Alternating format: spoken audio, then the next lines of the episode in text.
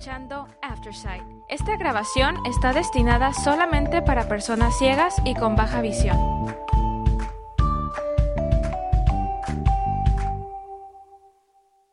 La programación regular de este podcast no está disponible en este momento. Esperamos que disfrute de esta transmisión especial de AINC.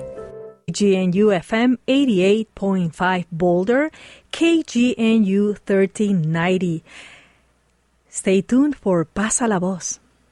Support comes from philanthropies, funding social justice initiatives and sponsoring collective action. More information can be found at philanthropies.org. Support comes from Eldora Mountain in Nederland, Colorado, the community ski and snowboard resort for Greater Boulder and the Northern Front Range, 20 miles west of Boulder. Now hiring snowmakers, parking staff, and many more seasonal jobs. More information Estás escuchando KGNU FM 88.5 Boulder, KGNU 1390 Denver. Esta tarde de domingo aquí estamos para traerles de nuevo Pasa la Voz, su programa en español de la radio comunitaria KGNU. El día de hoy tenemos programado para ustedes música maravillosa de los bohemios que me han regalado uno de sus CDs. Ellos tocan acá en Boulder y en Denver. Y también les tengo preparado, como siempre, pues la parte que me gusta traer de radio bilingüe donde podemos escuchar noticias de nuestra gente alrededor de todos los Estados Unidos, de nuestra comunidad latina, situaciones que ellos enfrentan y también noticias que son importantes. Luego pasaremos entonces a la entrevista que les he traído, que les he preparado para ustedes con César Cuactemo García Hernández. Él es un abogado de inmigración que aparte pues escribe, es un gran escritor. Él hace cuatro años escribió un libro que se llama Immigration to Prison y ahora pues ha escrito otro libro y por eso lo hemos entrevistado. Y con eso pues bueno, aquí viene Radio Bilingüe para ustedes y ya estaremos en contacto muy pronto y la música que les voy a traer de los bohemios también. El día de hoy me parece que eso es divino y se los pongo ahora mismo.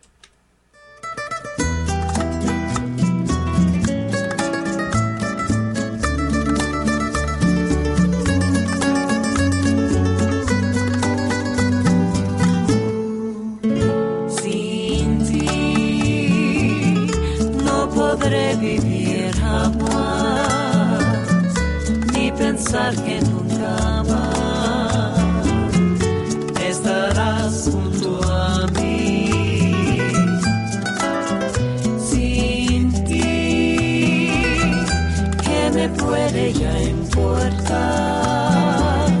Si lo que me hace llorar está lejos de aquí.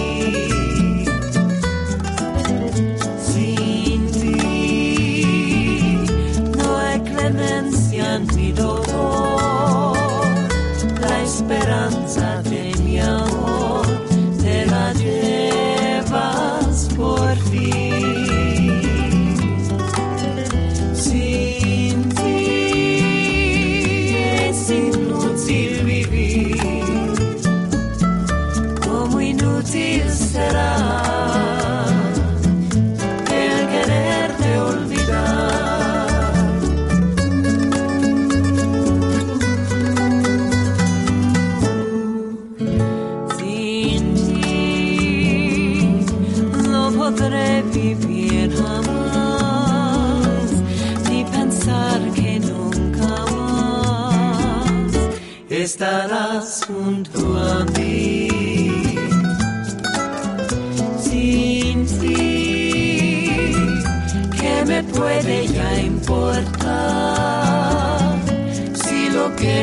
nascer.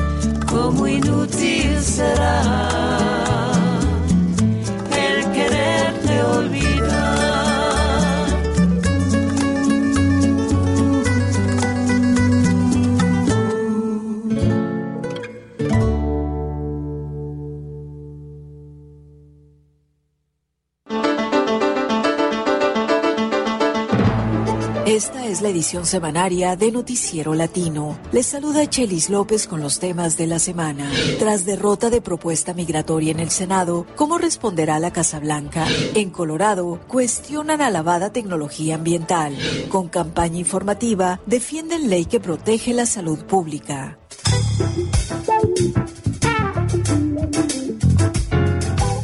Bajo presiones de Donald Trump, los republicanos del Senado bloquearon la iniciativa bipartidista de inmigración que incluía por primera vez el cierre automático de la frontera con México y severos cambios a las políticas de asilo. Legisladores demócratas y activistas expresan alivio de que el plan no se haya convertido en ley pero a pesar del año electoral, demandan a la Casa Blanca elaborar una estrategia integral para abordar la crisis de manera humanitaria. Con los detalles desde la ciudad de Washington, José López Zamorano.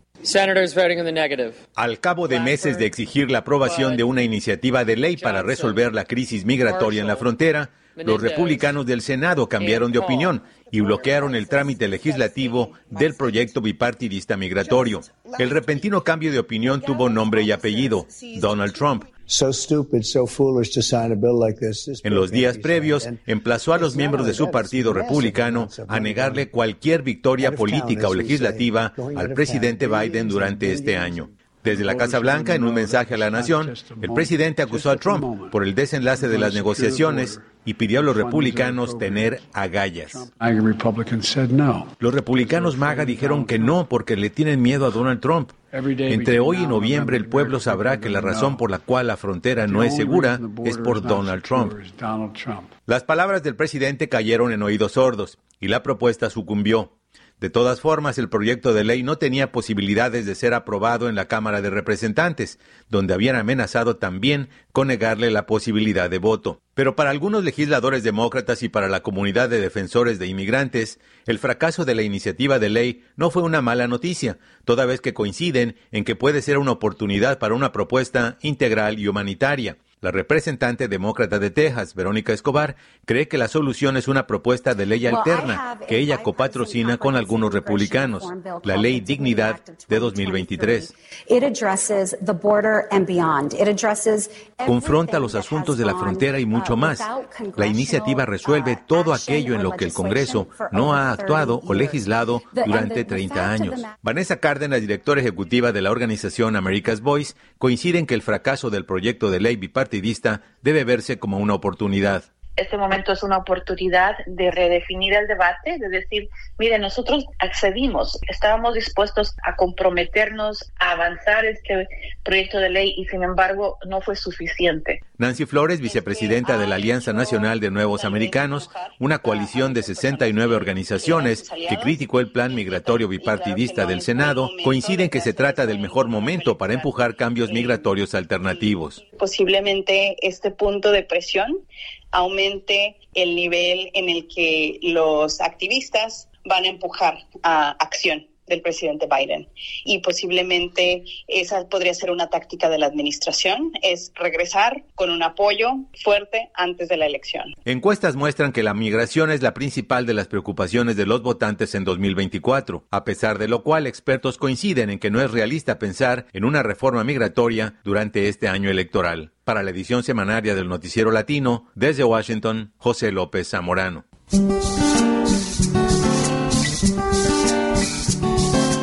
En un barrio latino muy contaminado del estado de Colorado, el año pasado se instaló un pionero sistema para remover del aire el dióxido de carbono, gas vinculado al calentamiento global. Recientemente, promotores del proyecto, financiado con fondos federales, celebraron los logros y propusieron expandir sus operaciones. Sin embargo, ambientalistas y personas que se dicen afectadas y viven cerca al proyecto cuestionan su efectividad. Rosana Longobetter siguió la controversia y nos presenta su reporte desde Commerce City, Colorado. El senador John Hickenlooper destaca los beneficios de Global Thermostat, empresa instalada hace un año en un barrio latino y de gente de bajos recursos, rodeada de compañías contaminantes en los suburbios de Denver para limpiar el aire de dióxido de carbono, un gas generado por la quema de combustibles fósiles que contribuyen al calentamiento global. Ellos usan la más moderna tecnología no solo en los Estados Unidos, sino en el mundo. Por esa razón, Hickenlooper está a favor de que con fondos del plan de infraestructura se construyan más plantas en zonas contaminadas para combatir el cambio climático. Eric Ping, vicepresidente de uh, operaciones de Global Thermostat, señala que otra ventaja en la ampliación de sus operaciones es que podrían contratar a trabajadores veteranos de la industria petrolera y de gas y así facilitar la transición energética, enfatiza Peng.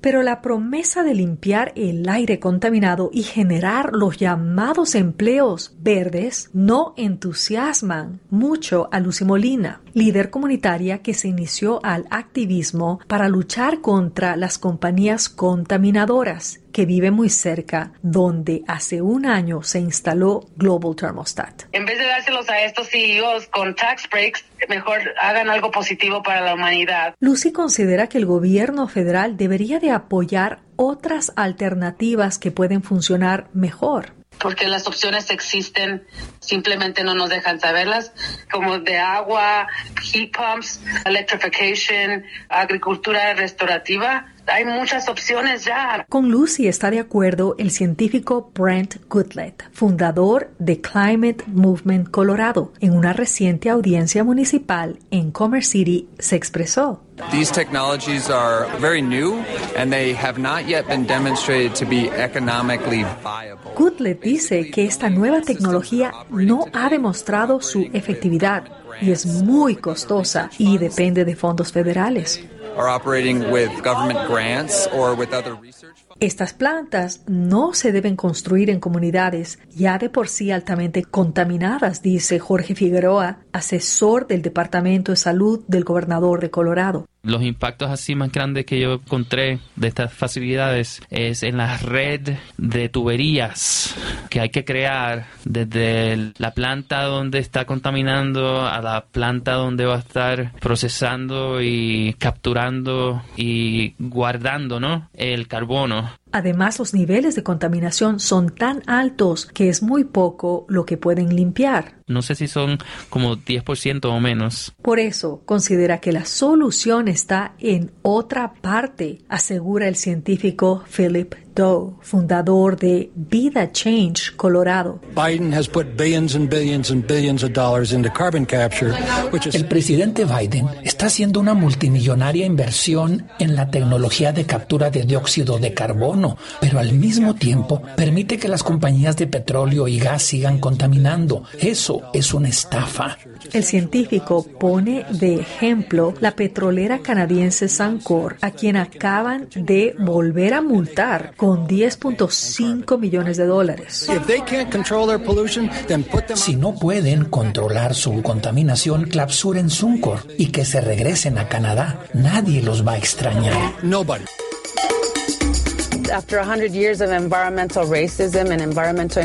Precisamente esa es la lucha a la que Lucy Molina le ha dedicado muchos años de su vida. Su determinación es recogida en el documental A Good Neighbor.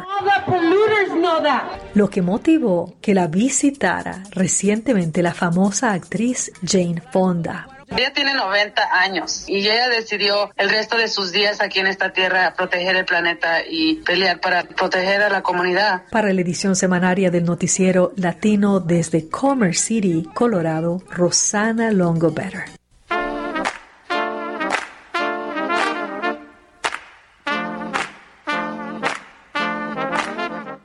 En septiembre de 2022, California aprobó una ley que, para proteger la salud pública, prohíbe perforar el suelo para la instalación de nuevos pozos petroleros y la extracción de gas en zonas muy cercanas a viviendas y campos agrícolas. La ley debió entrar en vigor en enero, sin embargo, fue congelada debido a una propuesta electoral promovida por la cuestionada industria para que se ponga a votación en noviembre. En respuesta, defensores del medio ambiente y vecinos lanzaron la campaña informativa Que no te engañen. Alejandro Maciel amplía la información desde Los Ángeles. Hasta el 2016, Rubén Rodríguez trabajó durante tres años en la industria petrolera como ayudante de soldador. En ese tiempo pudo constatar los graves daños ambientales que provoca la extracción de petróleo y la pobre supervisión cuando había fugas, la forma que se limpiaba no era la forma que se tenía que limpiar. Cuando perdió el 80% de su olfato, su médico le dijo que su enfermedad estaba relacionada con su trabajo y que de milagro estaba vivo. Fuiste expuesto a altos niveles de un gas que se llama H2S, tuviste mucha suerte que no caíste muerto donde estabas. En el barrio latino de Lincoln Heights, lo primero que miraba Sandra López cuando iba a trabajar limpiando casas eran las estructuras de hierro oxidado de un viejo pozo petrolero ya inactivo a pocos pasos de su domicilio, donde ha vivido por más de dos décadas. Hace seis años sintió que le faltaba el aire. Me he enfermado de asma. Sandra, de 55 años, y su familia dependen ahora solo del trabajo de su esposo. En el área sur central de Los Ángeles, los problemas médicos de la familia de Guadalupe Rivas son muy similares. Desde hace 30 años vive en una zona muy contaminada. Mi niña, la más pequeña, tiene asma, tiene sinusitis. 17 millones de personas en el país viven a menos de una milla de un pozo de petróleo o de una instalación de gas. En California son más de 2 millones de personas, precisamente para proteger la salud de esas comunidades. En 2022, California aprobó la SB 1137, una ley que impide la perforación y colocación de nuevas instalaciones petroleras a una distancia menor de 3.200 pies de viviendas, escuelas, centros comunitarios, hospitales, prisiones y cualquier edificio con negocios abiertos al público. Dicha legislación entraría en vigor en enero de este año. Sin embargo, se detuvo por parte de las compañías petroleras que intentarán revertirla mediante un referendo en las elecciones de noviembre. Estamos aquí para decirles a las compañías petroleras que la comunidad latina dice basta ya. Marta Arguello, directiva de Médicos por la Responsabilidad Social, se unieron con otros ambientalistas para alertar al público.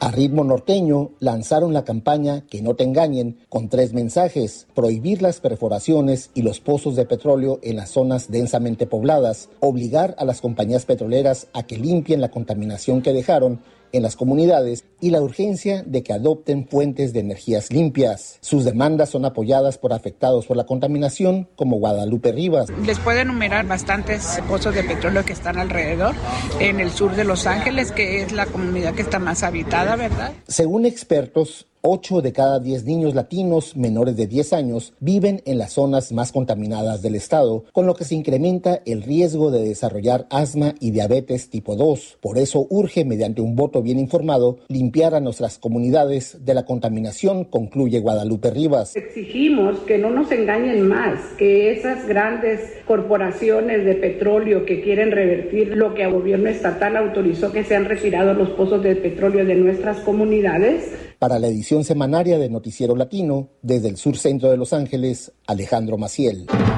Así concluye esta edición semanaria de Noticiero Latino, una producción de Radio Bilingüe desde sus estudios en Fresno y Oakland, California, con el auspicio parcial de la Corporación para la Difusión Pública, de California Endowment, de James Irvine Foundation, de Colorado Trust y de Walton Family Foundation y de California Healthcare Foundation. Director de noticias Samuel Orozco, productor Rubén Tapia, conducción técnica Jorge Ramírez, asistente de producción María de Jesús Gómez. Yo soy Chelis López. Escríbanos con sus comentarios en radiobilingüe.org. Escucha usted Noticiero Latino, satélite Radio Bilingüe.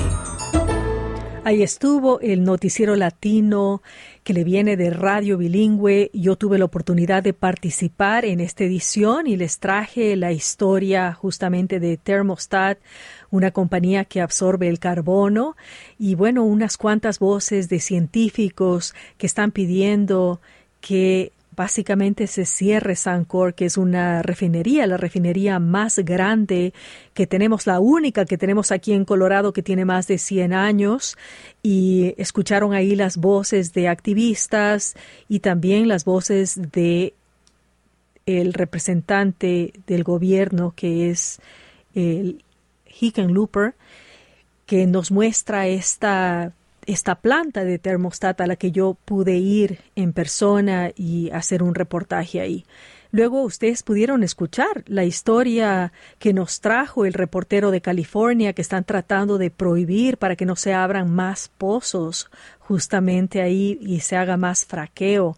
Y mm, ¿Y, por qué? Porque nuestra comunidad, nuestras comunidades son las, simplemente las más afectadas. Nuestra gente latina es la que en otros estados, no solamente aquí en Colorado y en California, viven alrededor de zonas muy contaminadas. Y ese es uno de los problemas que se ve y, por eso me gusta traer justamente Radio Bilingüe a ustedes para que ustedes se den cuenta, nuestros escuchas aquí de a la Voz, de KGNU, lo que está sucediendo en otras partes y cómo nos afecta a nuestra comunidad latina. También, bueno, les he traído musiquita de Los Bohemios, este grupo que les comento, que es acá, es un grupo local que canta muy lindo en español y son un grupo, un, un grupo bien grande que se presenta justamente acá, eh, muchas veces en San Julian y los pueden escuchar. Y bueno, escucharon la canción al principio Sin ti, y ahora les traigo la siguiente canción, Una Copa Más, antes de ir a la entrevista, a la entrevista con César Cuactemoc García Hernández sobre su nuevo libro. Aquí viene Una Copa Más.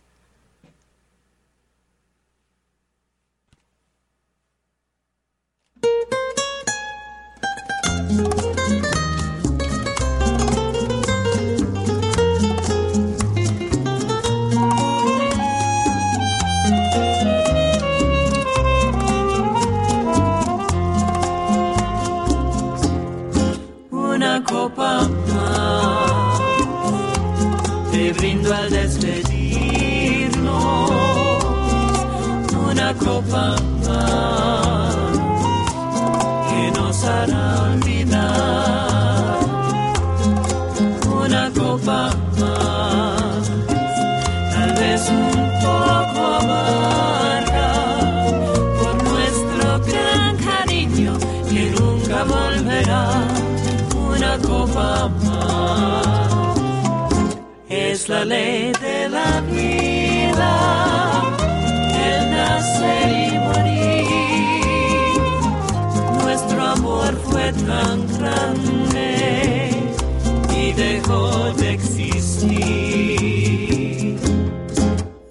copa.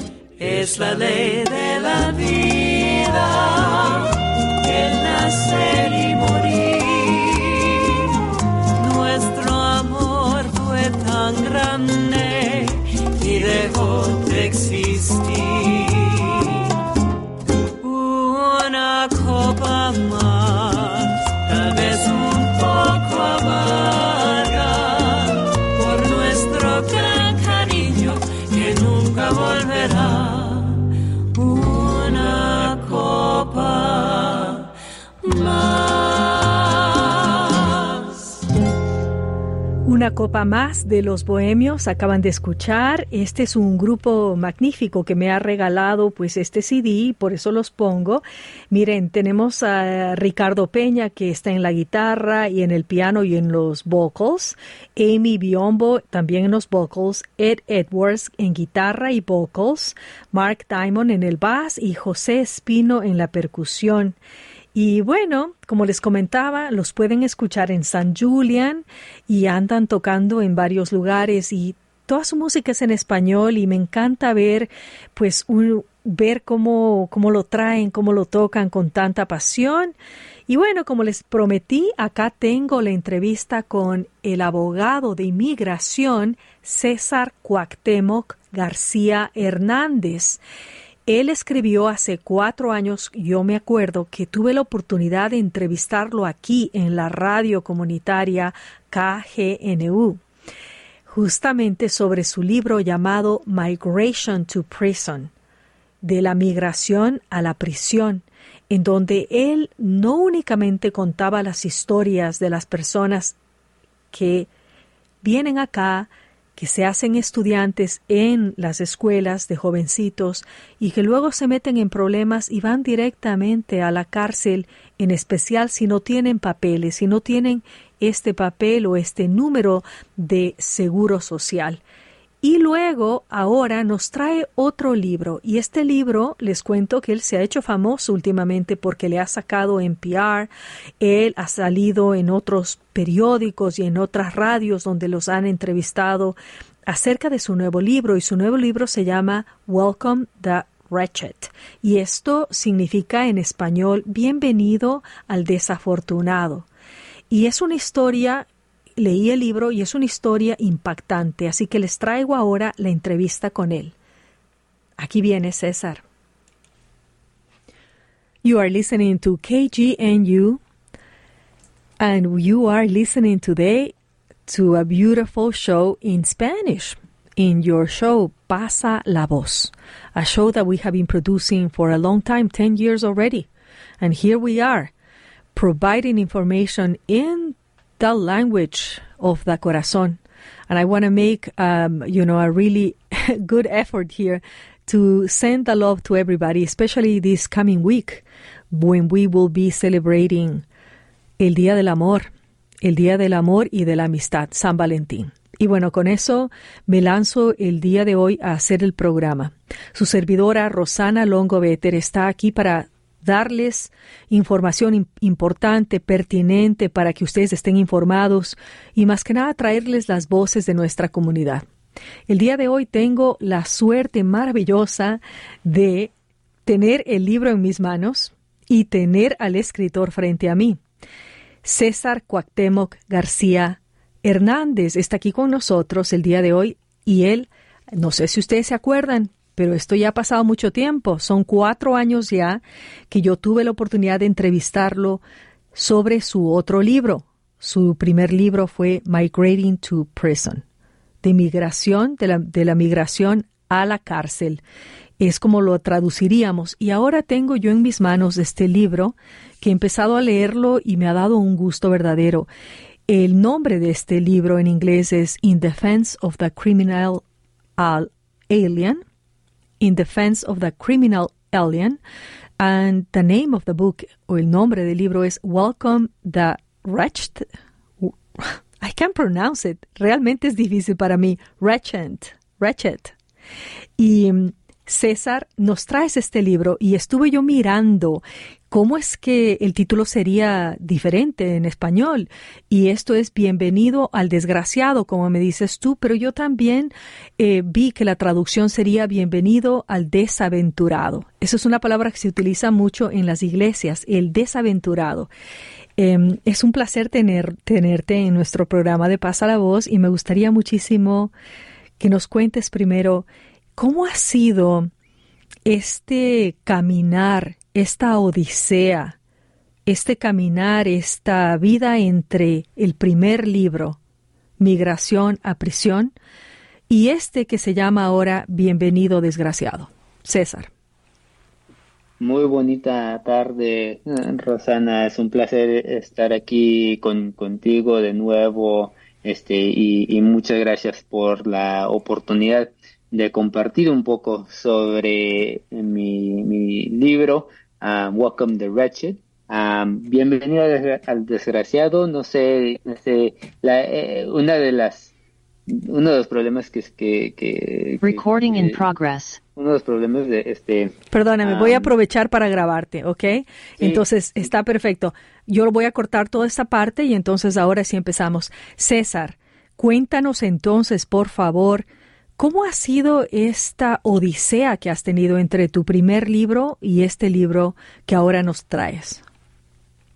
Muy bonita tarde, Rosana. Es un placer volver a estar aquí con, contigo y, este, y, tener la oportunidad de compartir un poco sobre este libro que, tiene pocos días de que se publicó, Welcome the Wretched. uno de los desafíos es mm, en traducir es que pues a veces las palabras no tienen el mismo sentido en, un idioma y otro. Entonces, no sé exactamente qué sería eh, la mejor ah, traducción de, de, del libro. Desafortunadamente, al momento solamente existe en inglés, pero este eh, eh, como como como es notado es este este libro resulta de un trabajo que ya tengo, bueno, casi diría toda, casi toda mi carrera desarrollando. Eso es como es que el, la, e, el derecho penal y derecho de migración en Estados Unidos se ha envuelto en eh, tanto que es muy común que los peores momentos, los momentos en que los migrantes son más débiles en su, en su vida, en donde se equivocan, sea el momento de que, e, e, en que se enfoca el, derecho derecho, la ley y, y la posibilidad de seguir viviendo en Estados Unidos sin problemas con agentes de, migración. Y para mí eso no significa que los migrantes son más probables de cometer, ah, cometer delitos, porque no, los, no, no lo son. digamos que, que, en realidad eh, son personas que nacen en Estados Unidos que cometen más delitos, pero, pero además de eso, lo más importante es que hay una, una tendencia en Estados Unidos en los últimos 40 años en, negarles a los migrantes la posibilidad de recuperar, de, de seguir el camino más recto después de tener esos momentos en que se equivocan. Y para mí las equivocaciones son fundamental a lo que es ser un ser humano. No tiene nada que ver con nuestra ciudadanía, tiene, todo que ver con nuestra humanidad. Y, de la misma manera que los ciudadanos se permite equivocarse, se permite cometer un delito y seguir viviendo con sus familias, seguir viviendo en las comunidades que conocen y que llaman su, su, su hogar, donde tienen su hogar. debe ser igual para los, los migrantes, porque este es un país lleno de personas mm. que han cometido todo tipo de, error, desde los políticos más reconocidos a las personas más ordinarias de, que, tenemos en todas nuestras familias o en todas, todas nuestras colonias. Acaban de escuchar a César García Hernández, el autor de En defensa del criminal Alien, Criminal Alien, y el libro se llama Bienvenido desgraciado. Este es un nuevo libro y estamos justamente hablando el día de hoy sobre la importancia de que los seres humanos cometemos errores. Es normal, errar, como dicen, otra palabra que utilizan muchísimo en la iglesia y el día de hoy pues esta palabra wretched em, que tú le has nombrado a tu libro me hace pensar muchísimo cuando vamos a la misa y pedimos pues disculpas por los errores. Es parte del ser humano, como dices tú, el equivocarnos. Y ese así es como tú abres tu libro, pero es eso, ¿no? O sea, nos equivocamos y crecemos de nuestras equivocaciones, pero si tú caes lamentablemente en las manos del sistema, no puedes salir. Y así es como empieza tu libro. José Inés García Zarete es el personaje que escoges para entrar en esta historia. Y el caminar de él es clarísimo, es exactamente lo que dices. El hombre comete un error y a partir de ese error él ya no puede salir del sistema. Va de una cárcel a otra cárcel esperando tener una sentencia favorable, aprender de eso y no hay manera. Definitivamente. Entonces, esto es muy importante para nosotros el resaltar en un momento en el que acá en Colorado estamos absolutamente como dirían, inundados, inundados de nuevos inmigrantes que han venido, como se sabe, en busca del sueño americano de una mejor vida, muchas veces escapando de morir en sus países. Entonces es muy importante lo que nos dices y lo que nos cuentas y este libro es un testimonio de lo que realmente se vive una vez que un ser humano entra en el sistema y más aún si este ser humano no maneja el idioma, no tiene abogados y no conoce el sistema. Frente a esto, ¿cuál sería entonces, digamos tú como abogado, la recomendación que darías a las personas que están en esa situación de inmigrar a este país un país hecho de inmigrantes y que también sería bueno decir que también estaba poblado antes por indígenas y nativos. Lo primero que se debe de, entender muy bien es que para, cuando se trata de, del derecho, de las leyes en Estados Unidos, no hay una diferencia entre los delitos que se tratan de, inmigración y los delitos más graves, ah, violentos, digamos. Ah, ah, los delitos de migración son, estamos hablando de, de, eh, cruzar la frontera hacia Estados Unidos sin el permiso del gobierno federal.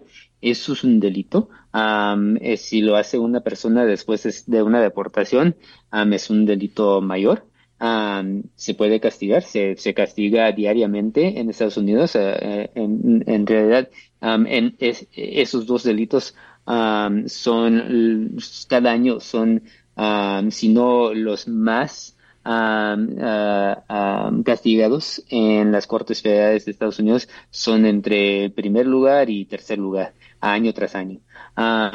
entonces, eso es algo que que para, para las leyes de inmigración, bajo las leyes de inmigración, así como existen eh, hoy en día, mm, es, razón suficiente para merecer no solamente la deportación, pero antes de eso un castigo penal, una sentencia en una, en una prisión federal. Y vemos que, que eso es lo que le sucede a migrantes día tras día en todas partes de Estados Unidos, pero principalmente, obviamente, en las cortes eh, del suroeste de Estados Unidos, más cercanas a, la frontera mexicana. y, igual, con delitos más graves. Entonces, muchas veces es, es, es fácil decidir, no, bueno, este, es que unos delitos son reales y otros no son reales. usamos nuestro mismo ah, sistema de valores para decidir que unas cosas sí, sí, en realidad deben, deben de ser consideradas como, como delitos y, y, no, otros no. Pero, pero bajo las leyes de Estados Unidos, así como decís, no hay diferencia. Ah, entonces es, muy importante saber eso. Pero quiero regresar, ah, si puedo, a esta palabra de wretched. Ah, porque la palabra no es algo que, que escogí para el título solamente de nada o de mi propia inspiración. Al contrario, hay un poema ah, muy famoso escrito ah, por, Emma, Emma, Lazarus. Y ese poema es, famoso porque está junto al, a la Estatua de, Libertad ah, en, Nueva York. se llama, el poema se llama The New Colossus.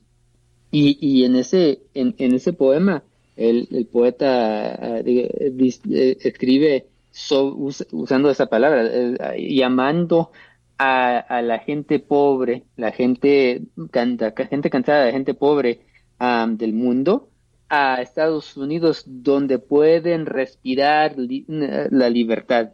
Y termina un, un, un, párrafo con, con la frase, The wretched refuse of your teeming shore. Entonces, está llamando a las personas que se han, que otros países, otras culturas han desechado, han, han forzado a huir por alguna razón u otra.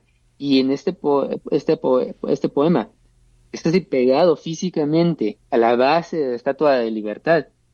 Está dando un llamado a esas personas que vengan a este país, porque en este país hay oportunidad para personas de todo tipo. Y escribo, por ejemplo, sobre los primeros ah, años de las poblaciones inglesas, las poblaciones europeas en lo que se convierte en América del Norte años después. En esos años, los ingleses estaban batallando para convencer a, la gente de sus pueblos en Inglaterra a que vinieran a estos lugares lejanos en donde los, los nativos muchas veces no los veían, no les daban la bienvenida y tenían mucha razón por qué no hacérselo. Entonces, era un, era un, viaje difícil, pero más que, además de eso, llegando la vida iba a ser difícil y muchas veces iba a ser muy corta. Entonces, lo que resultó fue que los políticos, trabajando con, con empresarios, decidieron cambiar el sistema de leyes en Inglaterra para darles a las personas que estaban, que, estaban bajo una condena penal la opción. Lo podemos condenar aquí en Inglaterra, muchas veces con la condena de muerte, o se van a América del Norte, se van a lo que después se convierte en los Estados Unidos. Entonces, los primeros momentos de, de lo que es Estados Unidos. Se convierte, se convierte en esas poblaciones en, en ah, bajo el trabajo, el esfuerzo de las personas condenadas, literalmente condenadas. Entonces, la idea de que en Estados Unidos no haya espacio para personas ah, que son menos que perfectas, es, algo que no está basado ni en la historia ni en el presente, porque obviamente en el presente no tenemos que hablar solamente de Donald Trump y todos los juicios que él está, ah, eh, está en el momento, está ah, pendiente, pero podemos ver que en cualquier comunidad de Estados Unidos y, en muchas familias estadounidenses, los delitos no son nada raros, no son nada extraños, son parte, lamentablemente muchas veces, parte de, la vida y los desafíos que familias tienen que superar. César Cuauhtémoc García Hernández, autor de este nuevo libro que tengo en mis manos, bienvenido desgraciado, es como lo voy a decir. Y mira, haces algo ahora que tú comentas esto tan importante. Yo quiero hacer una pequeña reflexión para que nos lleves de nuevo a tu primer libro, Migration to Prison, Migración a Prisión. Entonces eso quiere decir que solamente ciertas personas tienen el derecho de la segunda oportunidad. Exacto, en Estados Unidos eh, eh, eh, las leyes de, ah, penales incluyen la, la segunda oportunidad, la tercera oportunidad de, para, personas que son ciudadanos y la mayoría de nosotros que, que, contamos con la ciudadanía estadounidense es solamente porque nacimos en Estados Unidos. Entonces, no, no tiene nada que ver con con nuestra vida, no tiene nada que ver con nuestro carácter, con nuestra vida de ser, con nuestra, nuestro, um, qué tan comprometidos estemos este, a este, sistema democrático de gobierno que, tenemos en Estados Unidos, Estados Unidos y al contrario, tiene todo que ver con dónde estuvo nuestra madre en algún momento lejano Ah, que cada día se, aleja un poco más. Ah, y, y, el, y, para migrantes no hay esa posibilidad muchas veces es, eh, eh, para, para poder equivocarse. Al contrario, un enfrentamiento con policías, con el sistema penal, ah, mm, por lo regular eh, es eh, es la primera etapa eh, del proceso de inmigración. De, ahí, de una condena penal, empieza, empiezan los problemas con agentes de ICE, de inmigración, pues, la detención en, centros de detención, así como el que tenemos en, fuera de Denver, en, Aurora. en muchos otros, en otras partes del país, obviamente. Y, después de, de, detención, el procedimiento de deportación, ah, puede hacer un, juicio frente a un juez de inmigración ah, y al fin del día la meta del gobierno es terminar con una deportación. Ah, pero como alguien eh, que, que ha pasado la gran mayoría de su vida como adulto en las universidades, de los Estados Unidos. Lo que la ironía para mí es no que no que los inmigrantes a veces en cuando se equivoquen o, o lastimen a alguien, pero que eso no es nada raro, porque yo veo en las universidades de Estados Unidos que el crimen es común y a veces estamos hablando de las cosas que, bueno, aquí en Colorado son, son legales, como, usar marihuana, comprar, vender, usar la marihuana. cuando yo estaba estudiando, eso no era cierto, ni aquí ni en cualquier otro lugar, pero la marihuana como que se olía. Entonces yo, preguntaba, yo, digo, ¿se puede oler el crimen en, muchas universidades de Estados Unidos. Ah. Y hoy en día sigue siendo un delito federal. Pero también podemos hablar de otros tipos de delitos más, problemáticos. La violencia sexual contra mujeres, estudiantes, es un problema en todas las universidades en Estados Unidos. y, y aunque sea así, yo no sé de ni una persona que va a un campus de alguna universidad de Estados Unidos y dice, allí va un criminal, allí va una persona que no merece ser parte de esta comunidad, que no merece poder ver a su familia, que no merece tener un futuro en este país. Al contrario, lo, apoyamos a esas personas para que puedan superar mm esos momentos en que fracasan y a veces fracasan de manera que realmente causa daño, mm. sino a ellos, a otras personas. Y para mí, eso es exactamente lo que debemos hacer, no solamente con esos jovencitos que están estudiando, estudiando que son mis estudiantes, pero también con las personas que están construyendo los dormitorios con las personas que están cocinando la comida en las cafeterías, mm. donde comen esos estudiantes, que están limpiando los baños, que usan esos estudiantes, que están que son los choferes de los autobuses que llevan mm. a la facultad o a, la, a, a, los trabajadores a esa universidad. Y, y, el momento, hay una gran diferencia en cómo la ley eh, trata a los privilegiados, como los estudiantes, y los no privilegiados, o que para mí serían los wretched o los desgraciados, um, eh, eh, que, que, muchas veces son los, migrantes. César, estás eh, haciendo mención de esto y lo que se me viene a la mente en este momento es la importancia de dar la misma humanidad, el mismo derecho de humanidad a todos, no hacer diferencia. Y de eso se trata justamente este país también, en donde todos deberíamos ser tratados por igual. Pero ¿qué le dirías tú a nuestro escucha el día de hoy, que habla español, que muchas veces mantienen su idioma español porque han venido acá a trabajar? Es cierto, venimos a trabajar. Y para trabajar si nos quieren, pero donde crucemos eh, al lado equivocado, ahí estamos.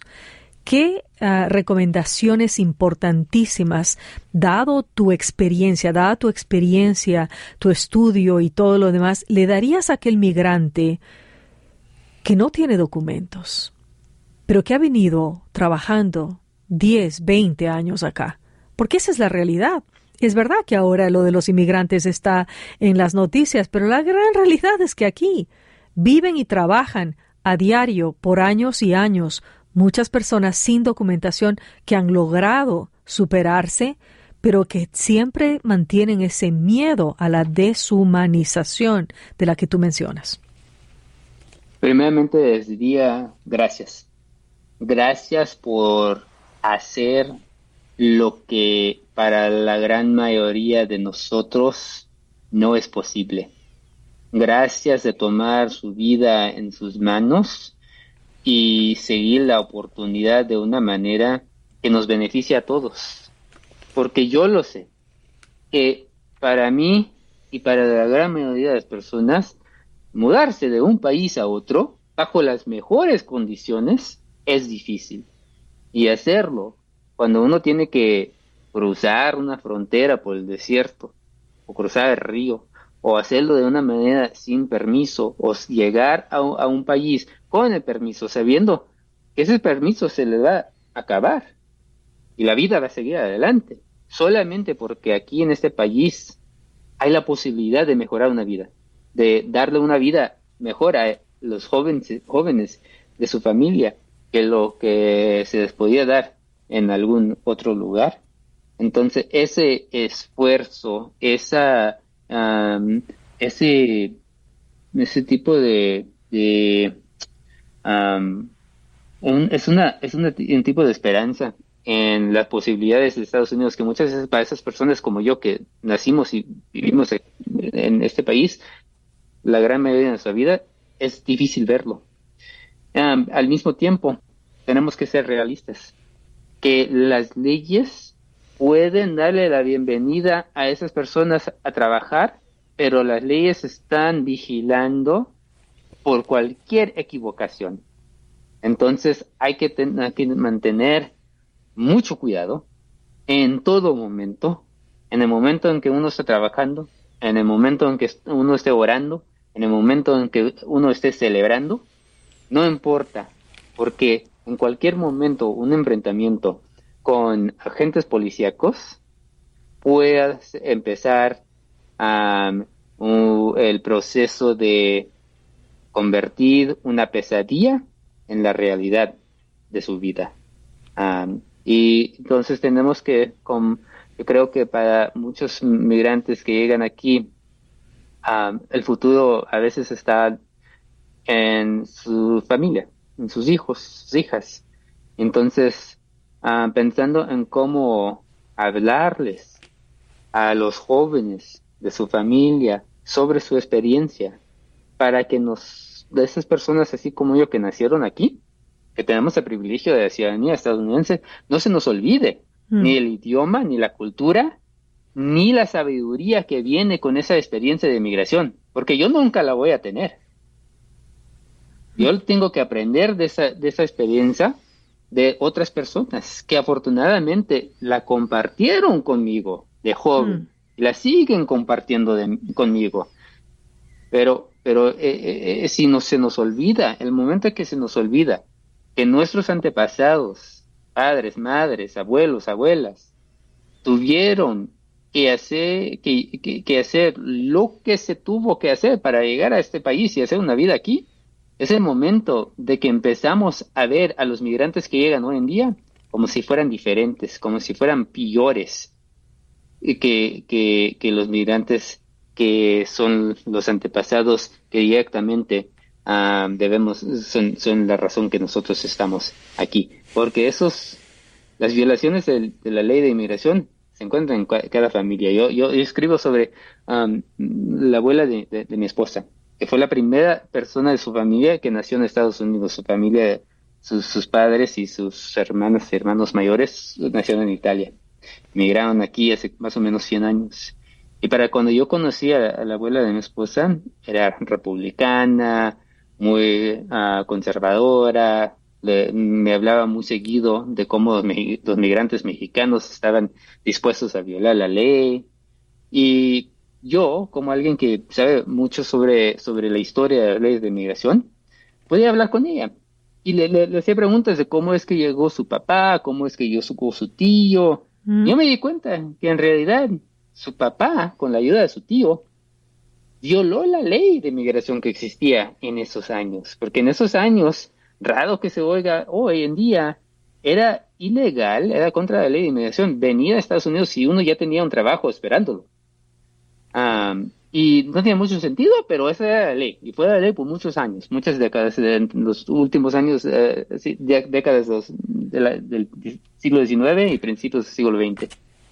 Y su papá, entonces, violó esa ley con la, ayuda de su tío. Pero gracias a, Dios que lo hicieron, porque si él no lo hubiera hecho, ella no hubiera nacido aquí. Y su hija no hubiera nacido aquí. Y su nieta, mi esposa, tampoco. Mm. Entonces, es, eh, esos, esos de, detalles es muy fácil que se nos olviden.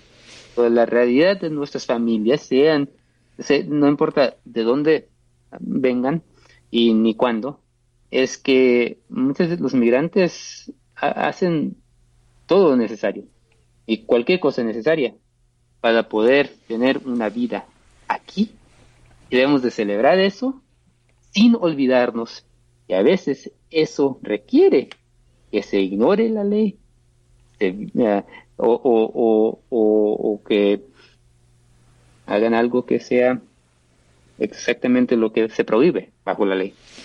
César eh, es una cosa impresionante lo que estás diciendo. Yo creo que es muy importante para nuestros escuchas del día de hoy que sepan que tú eres un autor local, que vives acá en Denver, que fuiste a la Universidad de Ohio a estudiar, que has aparecido tanto en el New York Times como en el Wall Street Journal, en NPR, en The Guardian, por tu libro Migration to Prison y por tu nuevo libro el día de hoy. Em, me gustaría muchísimo que cierres esta maravillosa entrevista, muy humana como siempre, con un importante reconocimiento a la situación del migrante actual. Y si nos podrías dar datos, porque yo recuerdo que esos datos que yo encontré en tu libro, en tu primer libro y en el que estoy encontrando ahora, son impactantes. Sí, mira, hoy, hoy en día es, cierto que estamos viendo muchísimos migrantes llegando a la frontera sur y, y, que cada día llegamos a los políticos decir que el sistema de migración no está funcionando. Pero también tenemos que recordar que cada año llegan millones y millones, más o menos 7 millones de personas a este país, exactamente con, completamente con el permiso de Estados Unidos, con el gobierno estadounidense. entonces, para la gran mayoría de personas, el sistema inmigración funciona. Nunca debemos de olvidar eso. Nunca debemos de olvidar que cuando se trata de eh, el asilo, el derecho está eh, muy claramente escrito en las leyes federales que cualquier persona que llega a este país mm, y tiene miedo por su vida, tiene el derecho de pedir el asilo. En las leyes lo dicen muy claramente que no importa cómo uno llegó a este país, no importa si tienen el permiso de Estados Unidos de estar en este país, lo que se requiere es que estén físicamente presentes en los en territorio estadounidense.